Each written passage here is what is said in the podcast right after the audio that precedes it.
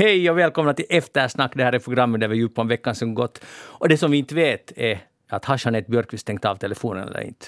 Nej, det vet vi inte. Men jag tycker att jag har ett minne av att jag kanske gjorde det. Att en sekund före lampan tändes här i studion var du inte så säker. Men om det ringer så kan ni slå mig. Ja, ring inte Jeanette nu. Nej. Det skulle vara ganska elakt om folk skulle börja ringa. Jo, men ser du, nu är det ju så att... Det skulle vara jag, ganska elakt om vi skulle ta det som ursäkt och börja slå henne också. Det är också jag är inte den enda som har dåligt minne för jag har en massa människor som har känt mig så länge som jag har varit med i det här programmet. Och som någon gång alltså faktiskt ringer under sändning. Ja. Så att, att kommer du inte ihåg nu när vi har känt varandra i 15 år att varje fredag klockan 15.03 till 16 så sitter jag i sändning. Inte kan man hålla reda på alla människors eh, aktiviteter. Just den här tycker jag nog att det är ett sånt här monument i svensk Finland. Ja, aj, aj, aj. Du börjar bli lite så här kaxig av dig. Hej, Anders Helenius har anlänt från Pargas. Välkommen med. Tack, det är kul att vara här. Är det inte? Jo, det är Jo, och Piffen. Piffen. Fotbollsherrar. Jaha. Det är ju helt otroligt. Säg bara ja. Jag har ingen aning vad du pratar om. Säg att yes. Är det klart nu? För jag har hört att det var något prat om att de kanske ska stiga No, till de, division 1. Men de det, har varit, faktiskt haft en fin säsong och det ser ut som att de ska det- stiga till division 1. Ja. Jag, jag, jag, är inte, jag är inte hemskt eh, insatt i fotboll överhuvudtaget. Nej. Faktiskt, men det där, och, och inte Piffens fotis heller, men det där Ännu. ännu. Men det är klart att jag har ju alltid haft som regel, vilket vi har pratat om många gånger i eftersnack, att är det division 1 eller högre så är jag inte med. Snart är du med då. det har vi inte haft. Nej, men det där, eh, ja, men det är ju kul om det blir Ja. så. Ja, det var no något prat om att den läktaren som nu finns så uppfyller inte uh, kraven på vad en division 1-läktare måste. Nej, jag är förvånad att den uppfyller division 2-krav faktiskt. ja, du brukar du vara där? Jag har varit ofta. Okej. Ja, all, varje, varje sommar. Absolut. Du måste säga att mig nästa gång du far sen så kommer jag Ja. med så kan du visa åt mig hur det funkar. Det är så mycket i Pargas jag borde visa åt dig. Liksom. Det är, Mhm. ja, ja, hur man gör. Ja, hur man gör, hur det funkar. Det där, ja, men grattis till dem vad de håller ut. Men jag tror det är så gott som klart. Uh, och, och jag har varit där på division 3-matcher, så det känns ganska otroligt faktiskt. Ja. Nu, nu är det Division 3-matcher alltså då för... för piffen. För två år sedan. Tid, nej, nej, det var nog, nej, det var nog mera. Det var mer än det. Men inte så många år sedan. Nej. Men eh, vi ska inte, jag ska inte pina dig mer om det här, utan vi ska tala om betydligt större saker. Eh, jag heter Magnus Lundén, programmet alltså Eftersnack. Elokapina. Och tekniker idag är Micke Andersen. Ursäkta. Nu var det jag som var arrogant. Ja, Ja. Elokapina håller på att få Finland, republiken Finland i gungning. vad håller jag på. Ja, den, Har fått. Republiken är i gungning. Vad säger ni om det? Uh, jag, jag säger kanske det att varför ska vi ha en... Alltså varför ska, ja, det, väl alltid liksom att man måste nu säga liksom att är man emot eller för elokapina. Nej, Nej, men inte, inte i det här programmet. Nej. Men överlag så är det en sån stämning tycker jag. Jo, just det. Ja. Att nu måste man antingen säga att det är det hemskaste som finns någonsin eller ja, de är bäst någonsin. Och jag är lite så här, nej, Mm. okej. Så, jag har lite samma faktiskt. Och, och vad de har alltså gjort, för de som inte har befunnit sig i Finland, eh, är att de har blockerat Mannerheimvägen. En liten stump där i Helsingfors centrum och kräver att Finland ska bli kolneutralt typ 2025, vilket säkert är väldigt orealistiskt, men i alla fall. Och de har då blockerat och så har polisen burit bort dem och, och så har de återkommit. Och idag när jag, Andra gången nu. ja, och idag när jag gick förbi där så var det det lugnaste jag har sett ungefär någonsin. Det Ja, var, det, men det var så att de var där på den här de var här på den här körbanan, alltså, så de blockerade spårvagnstrafiken Mm. och annan trafik här tidigare på veckan. Det var där de började och sen blev de bortburna och nu sitter de framför riksdagshuset där på den här gräsplanen och blockerar ingen trafik. Och det var det här att man blockerar trafiken som nu då orsakar, tror jag. Men ska vi tala om frågan istället för att trafiken har varit blockerad? Att, tycker ni att eh, om man vill få uppmärksamhet för klimatfrågan, att det här är rätt medel? Om man vill få uppmärksamhet för någonting så får man säkert mera uppmärksamhet om man sätter sig på en körbana än att man sätter sig på en gräsplätt i lugn och ro och inte orsakar någonting. Mm. Anders? Jag håller med. Alltså det, det är ju det att någon kör förbi och gräsplätten så påverkar inte lika mycket som att den måste ta en annan rutt för att dens väg där den hade tänkt köra är blockerad. Mm. Så nu, nu tror jag att det, det irriterar ju säkert den som kör förstås, men nu väcker det ju mera uppmärksamhet så här. No, och är det här nu sista, är det här det enda sättet att få uppmärksamhet? För jag menar, det är ganska ofta demos, små demonstrationer där på trapporna. Mm. Ofta om jag åker förbi, jag blir alltid nyfiken, någon ho- hojtar med några plakat och försöker uttyda vad är det de är emot eller för. Och Och, och sen glömmer man det efter några minuter. Det kan nu vara mänskliga rättigheter i Kina eller det kan vara något annat, men det, det är ganska ofta små demonstrationer där som inte får någon uppmärksamhet alls. Och det här får enorm genomslagskraft. Blockera inte en hög, eh, en hög en flock eh, torvlastbilar också, den här samma Det stämmer. vägsträckan i somras. Men de hade då Var använt... det, sen var det några bilister som också körde någon sån här parad. Ja, precis. För att protestera att det har blivit så svårt att köra bil. Eller något. Men ni kan alltså inte bli upprörda på det här? Eller Alltså är det, tolkar jag rätt? Upprörda på demonstrationen? Ja. Nej, jag är nog inte. Men alltså det är den där att var, ska man ta fatt i den här, i den här demonstrationen för att, för att jag är inte riktigt... Det lagliga Jeanette. Ja, jag, alltså jag är inte riktigt på det klara med att... att jag, jag får liksom inte grepp om att vad är det som, är så, som väcker så mycket känslor här. Att är det det att de blockerar Mannerheimvägen eller är det något annat? Att, att, det, det är på något sätt splittrat det här för att det väcker jättemycket känslor och jätte, jättemycket arga känslor. Ja. Jag tror att det har att göra med att det, det känns som att äh, du som bilist blir skuldbelagd för det. Alltså det är lite som de här reaktionerna som vi såg tidigare i somras när det pratades om jordbrukets äh, klimatutsläpp. Äh, så tolkades det äh, ganska brett som att man skuldbelade jordbrukarna för hela klimatförändringen, vilket det ju inte var frågan om, utan att man pratar ju om att de här utsläppen finns också och de har man inte fått ner i samma takt som andra utsläpp har lyckats få ner. Men det betyder ju inte, då säger man att det här är ett problem som vi har, hur ska vi lösa det? Men man säger ju inte att det är ert fel att isbjörnarna snart inte har någonstans att bo. Mm. I Peter Buhert skriver i dagens Fobel, tycker jag, bra, ett bra inlägg om att, att det, en, också enligt forskningen så är det faktiskt så att förändringar börjar så här. Att det, är liksom, att det är inte en meningslös äh, åtgärd som de gör just nu. Att det ofta börjar det så här och, och, och sen hänger flera människor på och så börjar jag fundera på att, att det, det är klart att man påverkar folk så här. Och vi tar en helt nästan, det är nu inte motsatsfråga, men en liknande fråga. Vi tar utlänningsfrågan, invandring. Så f- f- det är klart att nu har ju Sannfinländarna lyckats i att få uppmärksamhet för frågan. Och så börjar alla andra partier också hänga på. Vet att någon börjar och forcerar en, en åsikt och försöker så att säga väcka eh, personer, andra i samhället om det här. Nu gör Elokapina det här och jag tror att det är jag kan inte heller bli... Civil olydnad är ju ändå väldigt harmlöst. Och det är olagligt, ja. Och det är säkert... Och, och, sådär. Men det är mycket olagliga saker. Alltså många förändringar har börjat med civil olydnad. Mm, Det är ju en, skill en skillnad på att, att stå och blockera sjukhusets akutmottagningsdörr och Mannerheimvägen. Ja. Alltså du retar någon lite som kommer körande där, eller du orsakar på riktigt skada åt någon annan människa med att protestera på just den platsen. Men då är motargumentet förstås här att aha, ni tycker att, att ska alla börja få ta lagen i egna händer? Uh, Nej. Ja, märker, nu är vi, nu är vi redan nu, Ja. mot väggen här. Mm. För att om, om, Jag om, vet inte ens att, att, att behöver vi sitta och ta ställning till att, att är det olagligt eller lagligt till exempel? Eller, eller vad tycker inrikesministern som han höll på nu då och tjata om i över en timme tills, tills jag förstod att den här riksdagens talman satt stopp för det här att oppositionen sitter och ställer samma fråga om och om och om och om igen.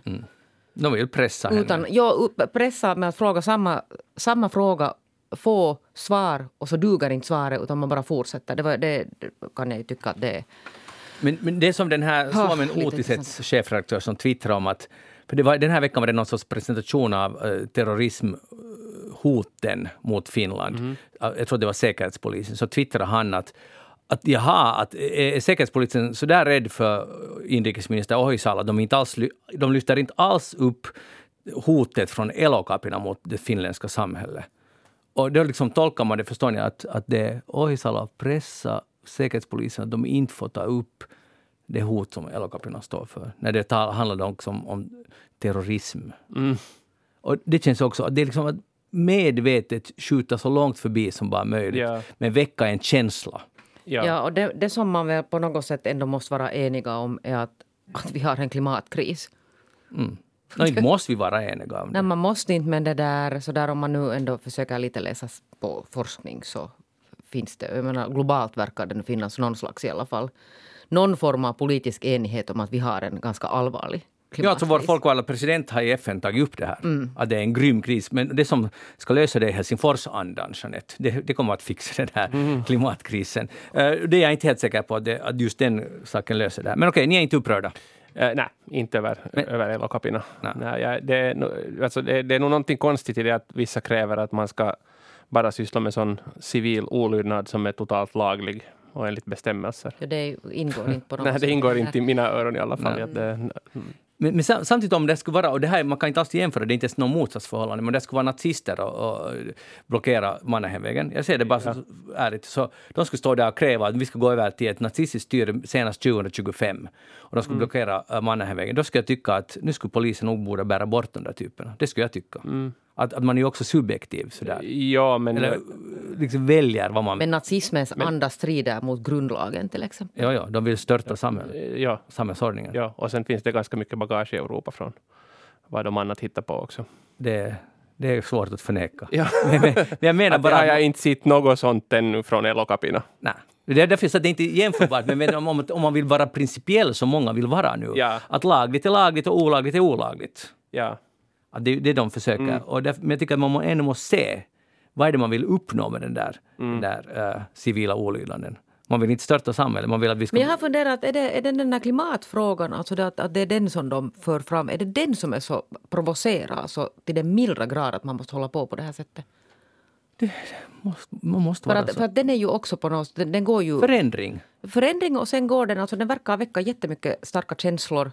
För att det handlar om att då börjar man någonstans på någon nivå alltså inkräkta på människors Mm. personliga liv. Nej, men Nu är du nära sanningen. Ja, och att är det det som gör? Ja, förstås är det det. Alltså, att, att, måste jag köra mindre bil? Måste jag flyga mindre? Måste jag eh, se över min konsumtion? Det, det är jätteskrämmande. där blir det att de protesterar mot dig när de sitter där på Ja. gatan. Och det som är de ungdomar och, och ser konstiga ut. Liksom, det är ju jätte, varför ska Det det gör de inte. Det var ett massa alltså människor över 40-åringar. No, jo, jo, okej, förlåt. Men, men, eller det spelar ingen roll vilken ålder de var. Men, men så här kan man resonera. Att det är sådana här hippien från, uh, hipsters från... Förvirrade hippier från Berghäll i Helsingfors. Så, så kan man avfärda det. Som inte vet hur det riktiga livet är. Men sen vet man att ungdomarna har alltså i olika sådana här uh, enkäter så har de alltså uttryckt stor oro. Alltså en del till och med så att de får ångest över den här alltså klimatkrisen för att det är deras framtid man talar om. Så nu tycker jag ju att det är fint också att ungdomen tar saker i egna händer och så gör man vad man kan. Om man är skolelev så kanske man går och står där med den här Greta Thunbergska, den här Fridays for Future och försöker få, få uppmärksamhet. Eller sen sätter man sig på Mannerheimvägen och blir bortburen av polisen och får åtminstone rubriker. Och kanske alla inte hatar en efter det. Kanske någon också vaknar till frågan. Men jag tycker Jeanette, du är inne på en viktig fråga det där, eller den viktigaste. Inte den näst viktigaste. Viktigast är att göra någonting åt krisen. Näst viktigast är det här att varför blir vi så provocerade, eller kanske inte vi, men varför blir så många så provocerade? Det tycker jag att alla skulle borde fundera. Varför blir de så arga på en sån här sak?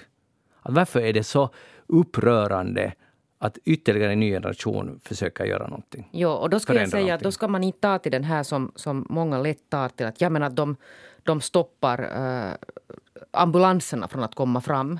Så jag tror inte att det är det som gör att så många är så arga. Nej. Utan det, det finns andra orsaker. Det, det duger inte som förklaring till alla jätteotroligt upprörda känslor.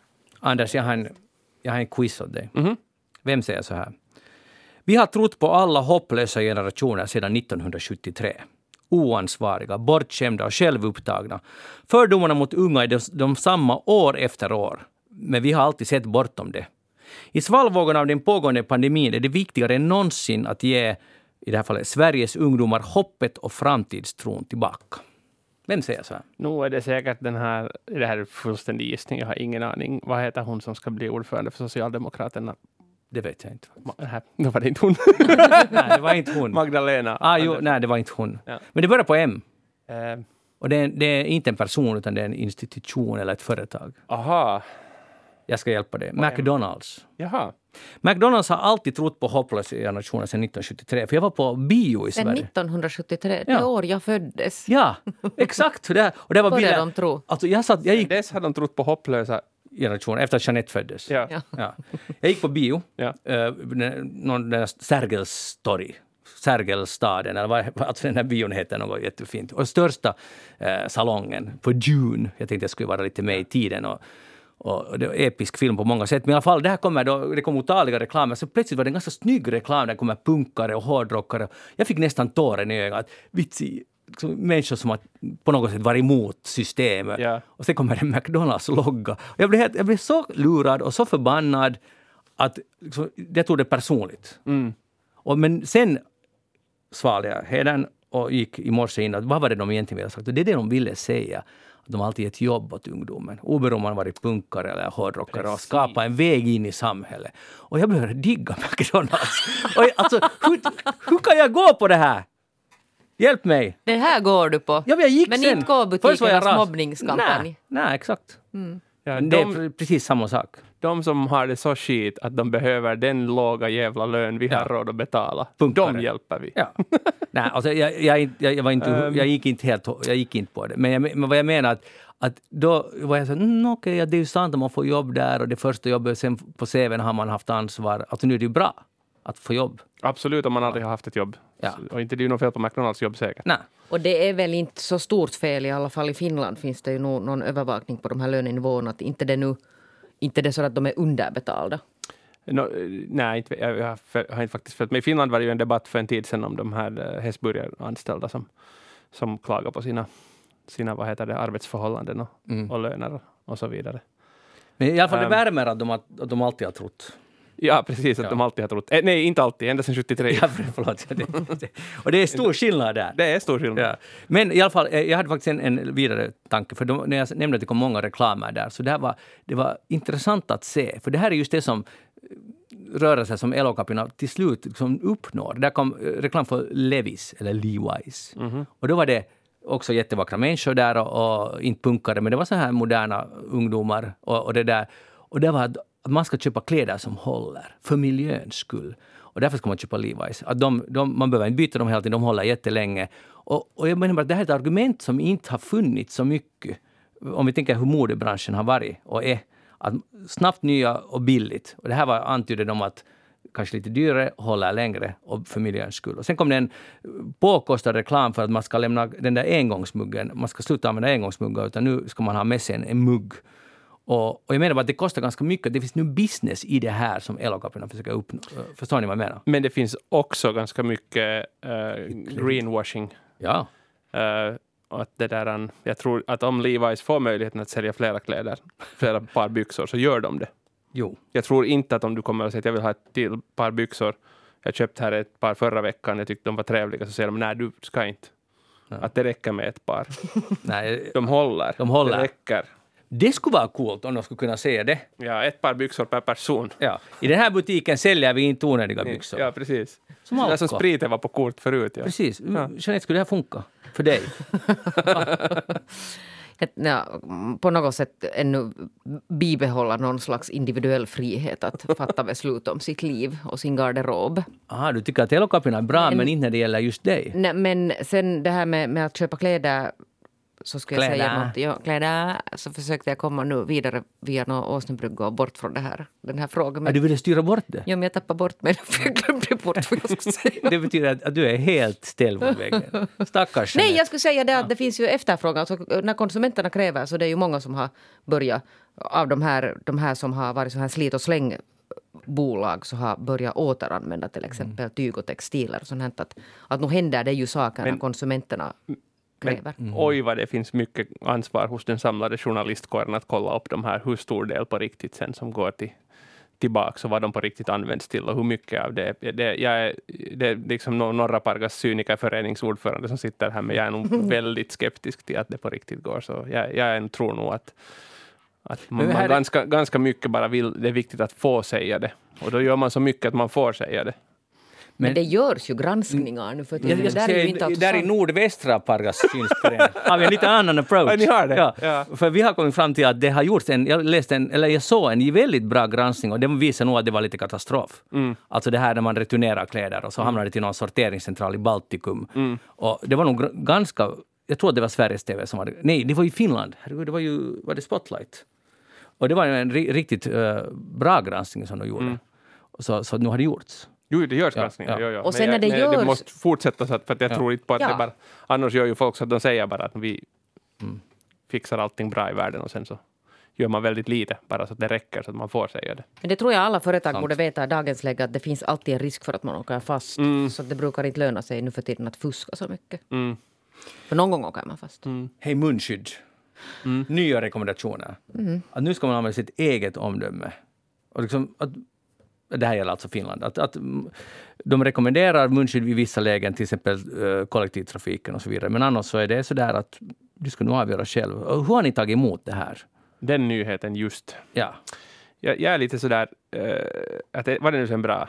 Alltså jag, tycker jag, jag, har ingenting, jag kan ingenting om hur virus sprids från munnar till näsor och andra munnar och så vidare. Men, men det som jag tycker att ordvalet tycker jag är lite märkligt att säga att nu ska ni använda eget omdöme. För det första så nu har vi väl nu i viss mån använt det no, hittills får jag lite avbryter och säger att det känns som att det är ganska många som inte har gjort det utan som verkligen har behövt strikta instruktioner av överhögheten. Det var ju dit jag tänkte komma, att jag tycker att det är mycket klarare med strikta från överhögheten. Överhögheten, sku, överhögheten skulle istället ha kunnat sagt i det här fallet att att ni, nu, är inte, nu är pandemiläget sånt att ni inte mera behöver använda munskydd. Och så skulle det vara bra med det. Aj, åt det hållet? Jo, hellre den vägen än att säga eget omdöme. För hur, hur, vad, vad händer nu när, när THL tycker att nu borde ni börja använda munskydd igen? Då måste de säga nu finländare ska ni sluta använda eget omdöme.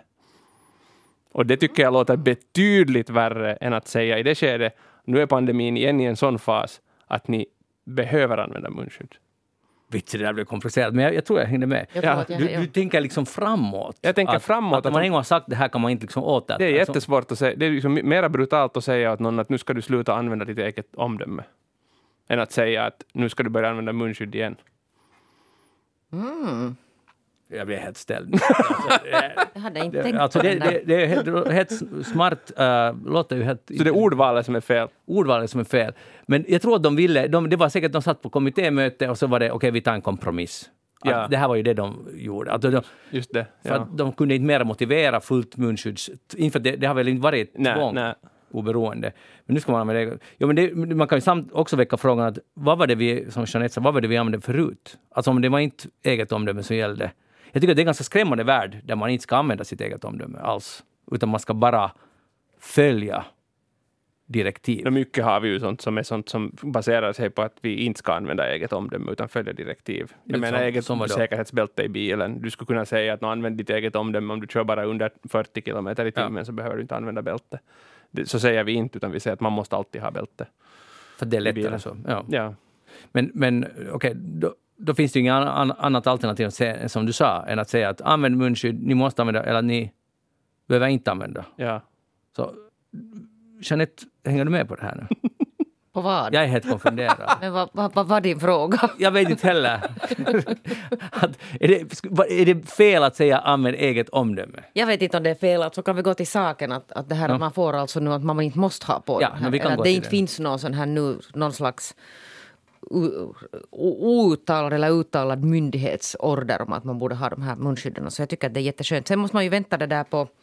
För sen går man ju nedåt på butiksnivå till exempel eller, eller YLE-nivå eller var som helst där man rör sig. Så där finns det ju fortfarande sen då uh, liksom näringsidkarens rätt att bestämma att, mm. att ska man nu sen ha. Men jag tänkte faktiskt igår när det kom det här så tänkte jag Magnus på dig när du ringde då den där ena gången mm. i stor nöd för att mm. du behövde gå in i din lokala butik mm.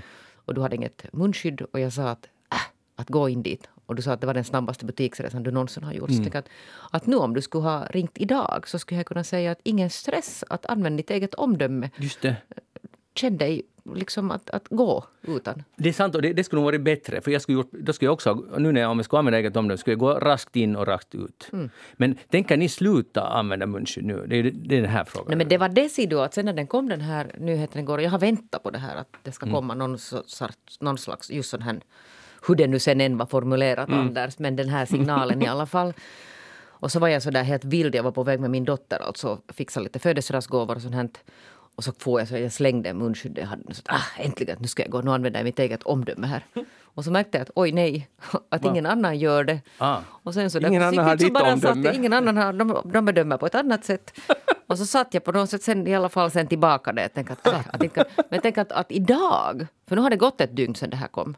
Ja, att nu är det oktober. Kanske, ja, ja, och så kom jag åkande med bussen. Men det var, fanns ju någon rekommendation. Men då hade jag också tänkt att tänk om man nu skulle våga sig på att gå in i bussen då.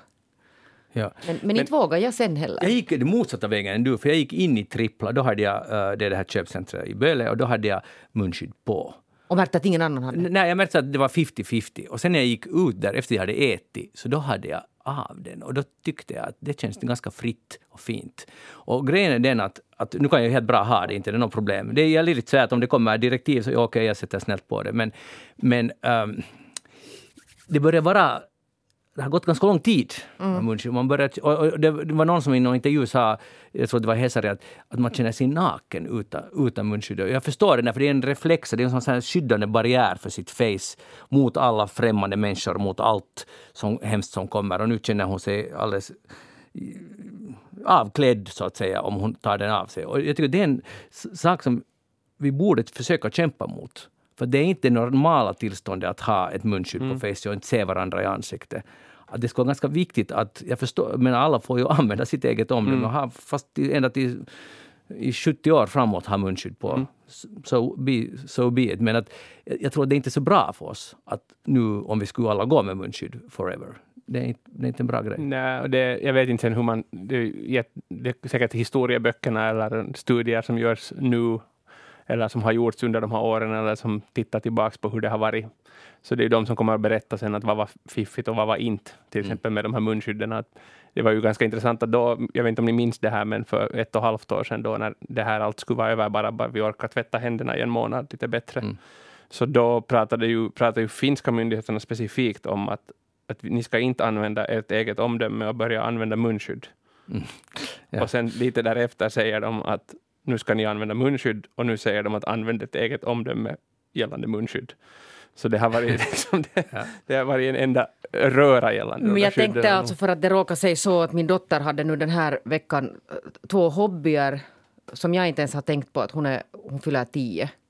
Och hon sa igår så sa hon, mamma två saker har chockat mig alltså totalt den här veckan. Så att, vad var det då? Jo, första var det att hennes ena sån här uh, hobbylärare hade tagit av sig munskyddet.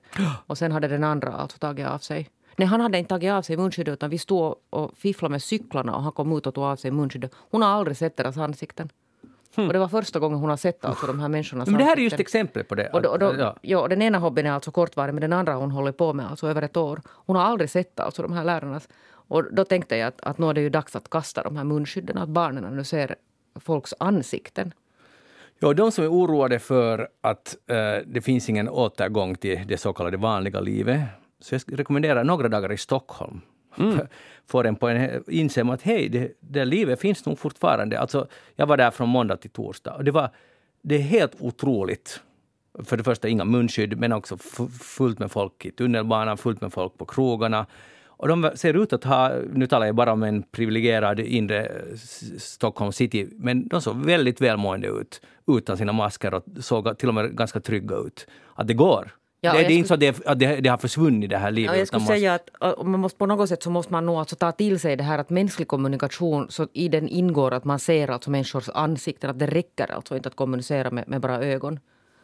Nej, jag håller helt med dig. Så, hur är det nu? Du tänker inte... Du tänker, vad, Anders, vad tänker alltså, du göra? Tänker, omdöme eller inte omdöme? Jag tänker använda mitt eget omdöme förstås. Uh, och det kommer nog att vara att jag nog kommer att minska på det. Okay. Ja, Gradvis? Ja, och sen så där att man kanske kan... Måste, jag vet, det är lite besvärligt kanske, men man måste börja fråga liksom folk att är det okej okay att vi är utan munskydd nu? Mm. När man träffar folk. Men i bussen då? Men vet ni vad, det ska I bussen sätter jag nog på det bara för att det, det är helt Men om det är tre människor i bussen? Tre människor i bussen, har de munskydd eller inte? Två har. Två har. Den tredje. Ja, kanske jag sätter mig längst, går in med munskyddet på och sätter mig längst bak i bussen och öppnar det. Det här är en övergångsperiod. När man lyssnar om det här på, på det här om kanske ett år kommer vi att skratta åt det här. Mm, säkert, menar, ja. I Danmark var det inte i Danmark, så där var det över natten. Nu är det slut på munskydd och då var det slut. Alla satt bort den direkt. Ja. Det går också att göra. Ja. Och det är det att det här egna, egna omdömet gör att det blir en fas, övergångsperiod, mm. vilket kanske kan kännas tryggt för många också. Men det är väl i linje också lite med hur man har kommunicerat där från myndighetshåll. Ja. Men hej, vi, vi, vi, vi skippar den förbannade munskydden. Jeanette, Jeanette Björkqvist, vad har du talat om den här veckan? Vad har du tänkt på Vad jag har talat om den här veckan? Nej, vad du har tänkt på. Du blev helt, du blev helt alltså förvirrad. Ja. Hör du, jag har läst en... en det är Anders fel. Jag har läst en intressant uh, nyhet i Helsingin Sanomat som handlar om en skola i Månsas, en stadsdel i Helsingfors, alltså Maunulan ala Det är en lågstadieskola där det finns väl upp till femteklassister. Som har alltså nu uh, fått lära sig, de har haft någon sån här, sån här lektion övningar i hur man ska bete sig. Eller vad man ska göra när man bete, träffar vuxna som beter sig märkligt. Och, och det handlar då alltså om vuxna som är jättebrusade eller knarkare. Alltså missbrukare. Och sen har de tränat. De har sprungit i skogen där och löst en massa sådana fiktiva situationer. Att, att man kommer hem och där sitter någon som beter sig underligt på ens hemtrappa. Att hur, ska man, hur ska man då göra när man, när man ser en sån vem var målgruppen för det här? Det här De här lågstadieeleverna. Okay. Och så tänkte jag först att jaha, vad är det här för någon slags nytt sånt här skolämne? Att man ska lära sig hantera uh, sån här narkotikamissbrukare och, och hur ska man säga, på ett vänligt sätt. Uh, no, gravt alkoholiserade människor som det finns väldigt mycket av i Helsingfors. Hälsningar till Pargas, sånt här behöver vi ha i våra skolor. Uh, men så visade det sig att det här var alltså de facto uh, på initiativ av eleverna själva. För att de har alla alltså mött sådana människor och inte vetat hur man ska göra. Så då har de velat på något sätt att skolan tar upp det här. Och så har de sån här, sån här lektion alltså där man lär sig. Det här är alltså fakta? Och det här är fakta. Vad var, hur ska man bete sig? Om man ser en aggressiv narkoman sitta ja. på sin hemtrappa. Ja. barnens förslag är endera det att man försöker be att den flyttar på sig. Eller sen försöker man ta någon annan väg in hem ifall det finns en annan väg. Eller sen ringer man någon vuxen. Eller sen ber man om hjälp av någon vuxen som finns där i närheten som kommer och styr upp det här. Okej, okay. där är vi nu. Mm. Ja. Och så visade det sig att det här, det här initiativet kommer alltså. Det finns en så här stor, stor eh, boendeenhet i Töle. Som har varit mycket i rubrikerna. Den finns på, på Rosa Villagatan. Där det bor då över hundra sådana. Det är alltså bostäder för unga eh, missbrukare. Och därifrån har det här, den här idén alltså någon gång startat. Att, att föräldrarna till barnen i skolorna nära var mycket oroliga och upprörda över att det kommer sådana här människor till kvarteren och så inledde de sådant här samarbete där de for till skolan och pratade om. Har det varit något tillbud? Tillbud var, det har varit väldigt mycket tillbud alltså mm. kring den här enheten. Men på något sätt den här, alltså det är sånt här, som är ett jättefint alltså samarbete med, med grannskapet. Att man på något sätt pratar med varandra och kommunicerar. Mm. Och vidkänns att, att det kan ju förstås skapa oro att det rör sig mm. mycket sådana liksom på viss på, liksom på någon nivå oberäkneliga vuxna. Men tänk att det är skolan som ska undervisa där. Man kanske skulle det kunna vara föräldrar som berättar. Ja, men det kan hända att föräldrar berättar. Men det här hade alltså barnen velat själva att, att skolan tar upp. Det kan ju också vara en sak som är bra att, för, att skolan berättar och inte föräldrarna. Det kan ju vara i många fall så att sko, den storyn som en förälder skulle berätta att barnet inte skulle vara kanske lika pedagogisk eller, eller fiffig eller, mm. eller human kanske till och med. Men här är det väl så att, att skolan egentligen inte berättar utan läraren är där och styr upp det men barnen själv hittar på Barnen hittar själv på? Okay. De hittar själv på lösningar på de här situationerna. Okay. Och det är ju ganska vettigt. Mm. Så du tycker att det här är ett bra initiativ? Jag tycker att det är ett jättebra initiativ. Mm. Sen är det ju på något sätt, jag vet inte vad man ska säga, men det är ju bra att kunna röra sig i miljöer där det finns allehanda människor. Mm, det är ju klart, ja. Men jag tänkte bara säga till din första pik åt Pargas håll att nu vet du väl att inte Pargas är någon sån där liksom för det, det, det, är på en ö, men nu finns det ju alkoholister i Pargas också. Jo. Till och med drogmissbrukare. Och jo, men... det är skillnaden är att, att, alla barn vet vad de heter i förnamn. No, det är ju det. det, är det. Och så känner man någon som känner någon som ja, känner ja, någon som... Ja, ja. Alltså vems, ja, vems pappa eller Precis, kanske det är lätt, lättare att relatera då. Kanske du Jeanette borde lite se hur det är på gatan i Pargas, att det är inte så där bara. Jag kan säga att om man går där till den här, där kring Sörnäs metrostation och sen far till Pargas så tror jag att där finns någon viss, viss skillnad, kan hända. Kan vara. Liten, liten skillnad. Anders, vad har du tänkt på den här veckan? Uh, jag har varit glad åt att det finns, uh, varit glad åt, åt myndigheter. Mm. Specifikt, en, en, specifik myndighet, eller egentligen inte kanske själva myndigheten, men att det är en sån här myndighet som också existerar och att det är skönt att betala skatt när man vet att det har varit någons jobb att sköta om den här saken. Eh, jag vet inte om ni råkar läsa i tidningarna om att det blev skandal med att det dök upp en massa KUK eh, Mm. registerplåtar i gatubilden. Alltså kuk? 900 plåtar, 900 kukplåtar trycktes upp och, och, vissa bilhandlare då hade börjat liksom sätta de här på bilarna redan före det blev klart att, vad det här betyder på svenska. Mm. Men det har alltså funnits ett system för det här. Och orsaken att de här kukplåtarna nu har kommit ut så är det att det fanns ett system och någon bara slutade kolla det. Det, fanns någons, nå- det var någons jobb någon gång på, på ministeriet eller vad det nu var, att kolla det här. Att sådana liksom snuskiga plåtar, snuskiga bokstavskombinationer inte hamnar ut. Och det här var ett fel i det systemet, byråkratiska systemet, som gjorde att det här hände. Och nu ska de rätta till det så att det här inte ska hända i framtiden. Och var det inte att de ska återta alla Ja, kukplåtar ja, också? an- annars kostar det att, att byta ut sin plåt. Men en kukplåt får man byta ut gratis. det här är, det är så Och rörande. det, och det blev ju fantastiskt, alltså det blev ju mycket roligt av det också. Folk, det var fantastiska storyn om folk, hur de hade relaterat till sina bilar som hade det här registernumret och grannarna hade, någon hade tyckt att det var jobbigt att någon gick hela tiden och fotade deras bil eller någonting sånt här för att det var så skojigt och så här.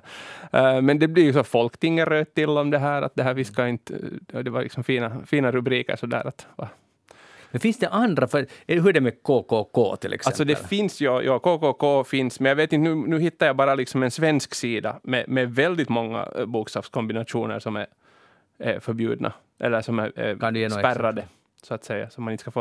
Uh, gay, både med G-A-U och G-E-J. Uh, varför, här är, ma- det, en varför är massa- det förbjudet? ja, jag vet inte, det, kanske, jag, jag vet inte, men det här är alltså på Svenska Transportstyrelsens sida. Ja. War är förbjudet. Um, XXX. Um, ja, sådana här. LSD. KUF är av någon orsak förbjudet också. Fel. BSS. Är det där De har, kan Sverige? inte ha något kvar snart. Men är det där Sverigesvenska? Det här är Sverigesvenska och det är Det Transportstyrelsen. kan hända att .se. KUF skulle gå igenom i Finland. KUF skulle nog säkert gå. Ja, AS är också förbjudet. ASS. Jag tänkte fråga, är det förbjudet? För jag tycker att Ja. det är ju lite, det är ju det är nu inte så farligt. Men också ARG. ARG är förbjudet i Sverige, eller spärrat. Men står det för någonting? Nej. Arg. Ah, är det så man väcker sen anstöt mot den som är bakom i No, det, det skulle vara sjukt svenskt om det skulle vara så, men det är nog möjligt. Vi måste visa hänsyn, Anders. Vi måste visa hänsyn Ja. till de som kör bakom oss. Ja. Och som blir arga. Ja, Gud är förbjudet. Ja. Hor och Hor. hot. Hot. Ja. KGB och KKK. KGB. Ja. Alltså det här är mycket att fundera på. Det här är Sverige Det här är alltså. så- det här är Sverige. Jag tror inte att det här är inte i Finland. De har säkert inte Men så var det så att den här KUK skylten, var det så att, var det så att någon hade failat med att förstå vad det betyder på svenska? Ja, det var det som det, det föll på. Och det, det måste man ju säga, det tycker jag är en grej som har som, man, som ibland, jag vet inte, det är att jag börjar bli gammal och, och på det viset finlandssvensk också, att jag börjar tycka att det ganska ofta sticker i ögonen nu sådana liksom slarviga översättningar och, Mm. och när det är frågan om en, jag vet, vi köpte en sån här, eller fick till födelsedagspresent i somras, en sån här pizzaugn som, som var väldigt dåligt liksom översatt den här uh, användarmanualen. Och uh, det bör ju vara, alltså det, det är okej, jag, det fanns nog ingen risk egentligen att man skulle ha bränt bränt sig på den där ugnen på grund av att den där översättningen var hemskt dålig. Men där bör man ju tycka snart att det börjar bli att, så att uh, ibland märker man hur- hur statens järnvägar har liksom väldigt konstiga översättningar. Att man har liksom bara man har inte tagit, brytt sig om att ta kontakt med en uh, riktig översättningsbyrå utan man vet Eller att ens någon, någon som kan svenska? Ja, eller man vet ju att någon bodde i Sverige då och så då kan den översätta det här. Och, Eller Google Translate. eller Jag har Google fått, Translate. Jag har fått pressmeddelanden som är Google Translate och så beklagar man att man inte har haft eh, en översättare att Mm. tillgå och då Google Translate man från finska. Jag kan säga att det blir aldrig bra. Nej, man hoppas för det blir ju allt bättre hela tiden och snart kommer det ju att vara ganska felfritt. Men fortfarande, det blir så här pinsamma. Men, men det som är alltid lika fascinerande, man, jag menar, man jobbar på någon ministerium eller man jobbar på någon instans, företag, vad som helst, att man på något sätt tror att hej, vi sätter Google Translate och så, så märker ingen. Jag menar, Ingen, alltså man ska aldrig göra det med sitt eget modersmål. Nej. Och då, då ska man inte göra det med någon annans modersmål heller. Man måste fixa det. Det- Jag, jag förstår inte den där inställningen. Och jag vet att det kostar att, att översätta, men, då, men man löser det inte på det här sättet i alla fall. Eh, Men ännu om, om KUK. Anders, skulle du själv ha bytt om du skulle ha fått KUK 254? Men är det så att man måste byta? Nej, jag tror inte det. Nej. Det kan inte vara så de att man måste där. byta. Nu måste man få ha den om man har den. Hur, hur skulle du gjort? Uh, jag skulle nog ha hållit den tror jag. Mm. För, för det var en av de där som i den artikeln, var det ju Hobel, Mm. ja, som talar om att det är lite pinsamt när grannen har barn. Och, och det där. Och det är ju egentligen lite intressant att att är det inte konstigt att vi kan inte ha en registerskylt för att grannen har barn som ser ordet kuk? Mm. Vet att alla barn går omkring och läser registerplåtar. det gör de, men jag menar kuk har hälften av mänskligheten. Att jag menar, är det egentligen så farligt? Ja, vad tycker du? Alltså jag, jag tyckte det bara var en rolig grej. Jag tyckte det var vitsigt. Och jag förstår att man kanske i dagens kontexten blir fel. Man kan inte ha kuk 1 till exempel. Men, men att det där... Uh, hmm. Men jag tycker att det är så farligt. Det är så här, det är så här rolig... Det här gör det... Vissa vi lever i välfärd. Vi visar att myndigheter ibland har en roll och sen kan det begås misstag. Jag tycker allt det här var ganska Ja. underhållande på ett sätt. Men sen visar det, som du sa Anders, på en mycket större problem. Och det har det med översättning, Mm. alltså nedskärningar och sånt här att Men det här att det slank igenom ett antal sådana här så kanske inte nu var så... Nej, det var lite mer underhållande. Hej, eh, jag, var, jag var ju som jag sa i Sverige då. Nå, så jag tänkte nu ska jag idka kultur. Så jag gick på stand-up och sen nästa dag på en helt annan grej. Nå, gick på stand-up på Norra Brunn. Tre män som skulle underhålla mig. Uh, otroligt dåligt. Alltså det var, det var helt enkelt... Eh, det fanns ingen intellektuell skärpa. Det fanns ingenting nästan av någonting.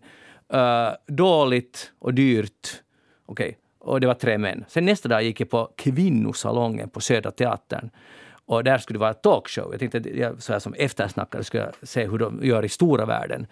Och det där och där satt de nu och diskuterade uh, ganska intressanta frågor. Där var uh, Sissi Wallin var den som var liksom värd. Hon är en lite kontroversiell person på många sätt. Vi behöver inte gå in på det nu, men, men hon var ganska bra värd nog ändå. Och så var det en kärnadvokat som de kallar Elisabeth Massi Fritz, sexualhälsorådgivaren Jenny Vul- Wolverine Kos och psykologen författaren Maria Farm och dessutom lite musik av Clara Klingenström. Och det var fullsatt, ingen hade dessutom munskydd. Det var som en svenska teatern på dekis, halva storleken, så ser Södra Teatern ut. Och, och liksom, jag vill bara säga att från en kväll till en annan, en annan den intellektuella nivån, liksom, ska vi säga smartheten, växte från noll till hundra. Sen behöver man inte vara samma åsikt som alla de här kvinnorna som var där på scen. Men att det var helt otroligt stor skillnad till samma stad, ett, nästan ett stenkast från varandra. Så dåligt och så tankeväckande det andra. Hur, Anders? Du som är stan, ståuppare, kan du... Förklara Vad är det med ståupp? Alltså, jag, jag älskar ståuppkomik. komik. Jag vet inte Ja. vad som hände där. Jag vet inte Nej. vem som uppträdde. Jag vet inte vad de sa som du tyckte att inte var bra. Jag- jag Men kan- så att jag har liksom ganska svårt att säga. Liksom. Marcus Berggren, säger det dig någonting? ja, lite. Jag har inte hemskt mycket jobbat där Nej. nu. På tio år har jag inte just varit och uppträda där. Så. Mm. Var han dålig? Ja, no, jag, tycker, jag vet, Ja. många skrattar åt honom, så många, Okej. många skulle säkert säga att det var jätteroligt. Ja. Eh, men, men det som är mest jag vill diskutera är att, att hur är det med stå upp när det är alltid så politiserat? Uh, hälften hälften med allt i politik, till exempel samhälleliga frågor. I alla fall om man skulle vara ståuppare i USA, men Ja. säkert också i Sverige. Ja. Så det, blir det sen så att man måste välja en väg om man gör, eh, skämtar om sin egen kropp eller tar något riktigt banalt som man är säker på att de flesta kan skratta åt. Att, att man inte vågar ta i något känsligt, alltså politiskt känsligt. Blir det så? Mm, nej, inte vet jag. Nu vad, be- be- beror på vad som är, vad räknas som politiskt känsligt. Inte upplever jag det. Jag, jag gör ju inte själv kanske riktigt så att, att jag hemskt mycket pratar liksom politik, dagspolitik på, på scenen. Men nu kan ju någonting jag säger kanske uppfattas som politiskt eller ställningstagande i något skede.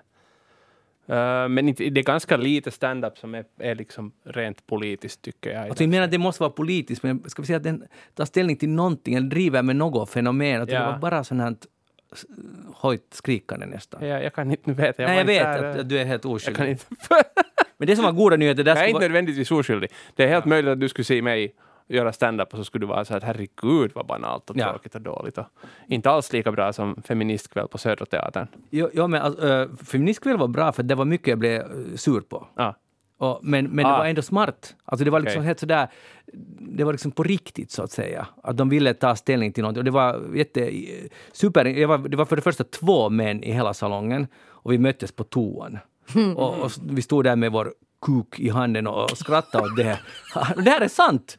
Och, och, och skrattade Satt ni inte bort det förrän ni började skratta? No, och, och, och diskutera, tack. Och diskutera det här. Jag brukar alltid göra så. Ja, Ja. Mitt egna omdöme Ja. brukar alltid vara... du ska inte använda att- eget omdöme. Nej, det var ju så. Ja. Där stod vi, PHL rekommenderar att Ja, man... och där stod ni. där stod vi och, och konstaterade att nu är det konstigt att vara de enda männen i en hel teater. Att det var faktiskt ganska speciellt. Alltså ingen annan gick på kvinnosalongen än den här riksenska... Men var de jag. vänligt sinnade till, det, till er? Ja, Vi var nog som luft där. Jag tror inte, men det, det, är ju helt okej. Jag menar, why not? Men, men det, var, det var alltså intressant. Och, men nu, alltså nu, det, var, det var, de var nog väldigt kritiska till män. Och det är till exempel den här stjärnadvokaten sa att jag säger att alla ni kvinnor som inte tycker om era män, lämna dem, stick! Och de är våldsamma förstås, men om ni inte är nöjda med vad de gör, eller att de inte hjälper till hemma, så sluta gnälla, stig upp och gå ut. Det kan jag hålla med också. Ja. Det tycker jag är en grej som förekommer ganska mycket på stand-up-scenen. Att både från män och kvinnors sida, att man står och klagar att ens Ja. partner är oduglig och dålig. För det är ganska lätt att gå till det, att, och det kan många relatera till, för många har just en partner. Så det, det är ganska lätt. Men det, jag, jag får också den känslan att men om det är så där jävla jobbigt, så det, det är okej att skilja sig nu för tiden. Skaffa någon annan då, som är bättre för dig. Bra Anders! Eller var helst ensam. Du och Elisabeth Massi Fritz som har vuxit upp i en, alltså hon har libanesisk-syriska föräldrar men har vuxit upp helt i Sverige. Ja. Och hon har då kämpat för, mot hedersmord och, och verkligen liksom gått, tagit stora steg. Så när hon ställde sig upp och skrek åt de här kvinnorna, lämna era män om ni inte är nöjda. Men det- det var respekt. Det är inte bara det också, det är också det att, att, det, där liksom, det, det, att det är så sjukt kul tydligen att, pra- att skämta om att äktenskap är dåliga. Ja, ja. Och jag tycker att jag har ett ganska bra äktenskap, så jag tycker att varför ska du... Det finns ju folk som har det bra, inte kan du gå utgå från att alla tycker att det är jobbigt att vara i ett äktenskap. Jeanette, har du någon kommentar? Jag, jag, Hur är ditt äktenskap? Jag är, på något, jag är så glad att du har gått på det här. Jag vet inte, jag skulle vilja se. Jag skulle vilja höra det här och veta vad du har blivit utsatt för där.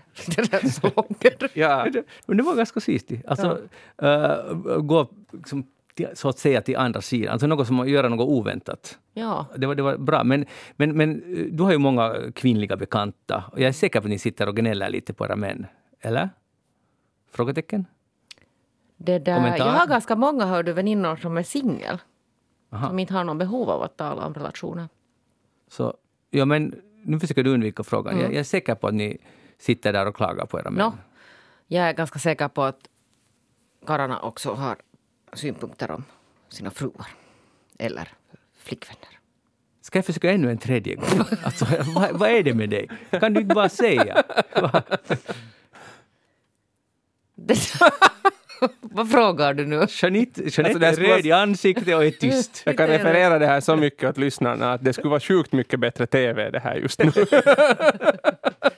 Ja, ja, Alltså ja. det är klart att kvinnor, precis som män, pratar om sina relationer. män pratar inte om Men sina inte relationer. det är ju så att alla sitter och klagar. Det finns väldigt många som är nöjda med sina relationer. Och jag har nog suttit med mina killkompisar. Jag har ganska många killkompisar faktiskt också. Och också lyssnat på när det klagas på Mm. Partner där hemma. Stig upp och gå och lämna. Jag stiger upp och går därifrån. Men alltså i alla fall, jag vill igen lyfta upp det här att, att vet ni, ibland ser man... Eller prata, alltså det, okej, det finns ju någonting före. Ja. Det måste ju finnas någonting Försök före, stig upp och gå, Ja. gå och lämna relationen. Prata om det hemma först kanske. Ja, för det, det, det, det, du har helt rätt och vi ska inte ge felaktiga råd här. Men Maria Farm som var psykologförfattare, hon har just gett ut en bok som heter Han är så bra på att fixa egen tid eller något i den stilen. Så hon sa parterapi före man behöver parterapi. Det, är- det är liksom det man ska fixa. Årskontroll. Ja, man, ja, ungefär. Det var det. Hon sa gå och snacka. Byt olja, Ja. filter. Och, och, och det, då, då fixar det mesta sig. Så, att, så det, det var hennes bud. bud. Det mesta, men inte allting, alltid. Va? Vad sa du? Sen om man är missnöjd så stig upp och gå. Ja, gå, stig upp, gå. Ja. Men, men, men alltså det, det, det, det, var, det var coolt. Men eh, jag, vi går vidare, för nu har jag läst en, alltså en ganska bra artikel i Vi läser tidningen. Och här är eh, eh, August, nej, Augustpris, Augustprisade förläggaren Anders Steglund. Så han har wallraffat och jobbat på uh, Foodora i Ooh. en längre tid och nu har han skrivit en bok om det här. Och det där, det, för, alltså, det är just att vissa tänker så som jag, att jag ska göra det, jobba och sen skriva en bok om det. Och vissa har gjort det och det har Anders Teglund gör. Och det som jag uppskattar, han, han berättar just att, att ens närmaste eh, kompis blir den där appen, för man får alltid kritik av appen om man inte är tillräckligt snabb. Varför har du inte gjort det och det? Jaha, då får du en, nu eh, beordras du till en halvtimmes eh, oavlönad rast, eh, paus för att du har inte levererat det och det i tid. Och sen skildrar han just att och du får utvisning liksom. Ja, man får utvisning ja. Ja. av appen. Mm. Och man träffar inga man har inga sociala kontakter. Man säger hej och hej då när man kommer in på krogen. Och sen han jobbar i Göteborg och han beskriver bara att han aldrig tänkt på hur förbannat mycket backar det finns i Göteborg när han cyklar alltså. Att, och han cyklar eh, sex mil normalt en vanlig dag, en arbetsdag. Han tjänar ganska struntsummor, men ändå lite. Uh, det blir, vad det nu blir, han förklarar nog där vad det var. Det var Säkert sämre än på McDonalds. ja, jag, jag skulle tro det, ja. De sköter om Augustpris belönta förläggare. Ja, precis. Nå, men, och, och, och det som blir intressant, för att han säger sen, och det här är ju det här problemet, att han kan alltid stiga av. Han, han skriver att han har ont om pengar för det förlaget gick liksom eh, uh, uselt. Först blev han hyllad, sen kom corona, det blev inte, och han hade liksom inte så bra med stålar. Men så kom han på den här idén att han kan ändå som kulturskribent fara dit och lite iaktta. Men sen han började tycka om det, för det är en helt ny värld. Och han lite börjar på ett bisarrt sätt trivas där och, och blir fascinerad av de här människorna som är där. Det är studerande, nästan alla är icke-svenskar som jobbar. Så allmänna språket är engelska, ingen talar svenska. Och, och det blir liksom en sån här klass som bara tar, får sådana här jobb. Och han är då med i det.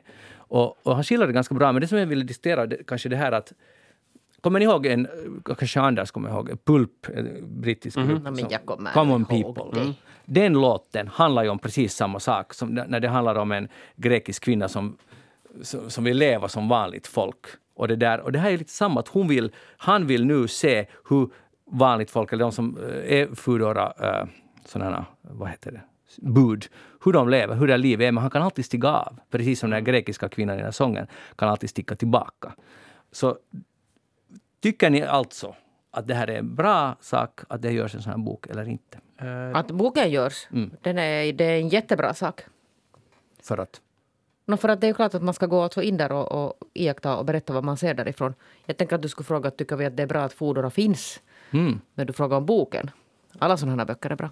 Men eh, jag, jag har tolkar kanske frågan så att är det okej att göra sådana här larps Mm. i människors liv som inte har det bra när man själv har det bra? Var det det du menar? Ja, ungefär så. Ja. Att kan man, Alltså wallraffande. Ja. Var ja. det är det det metoden som- du frågar?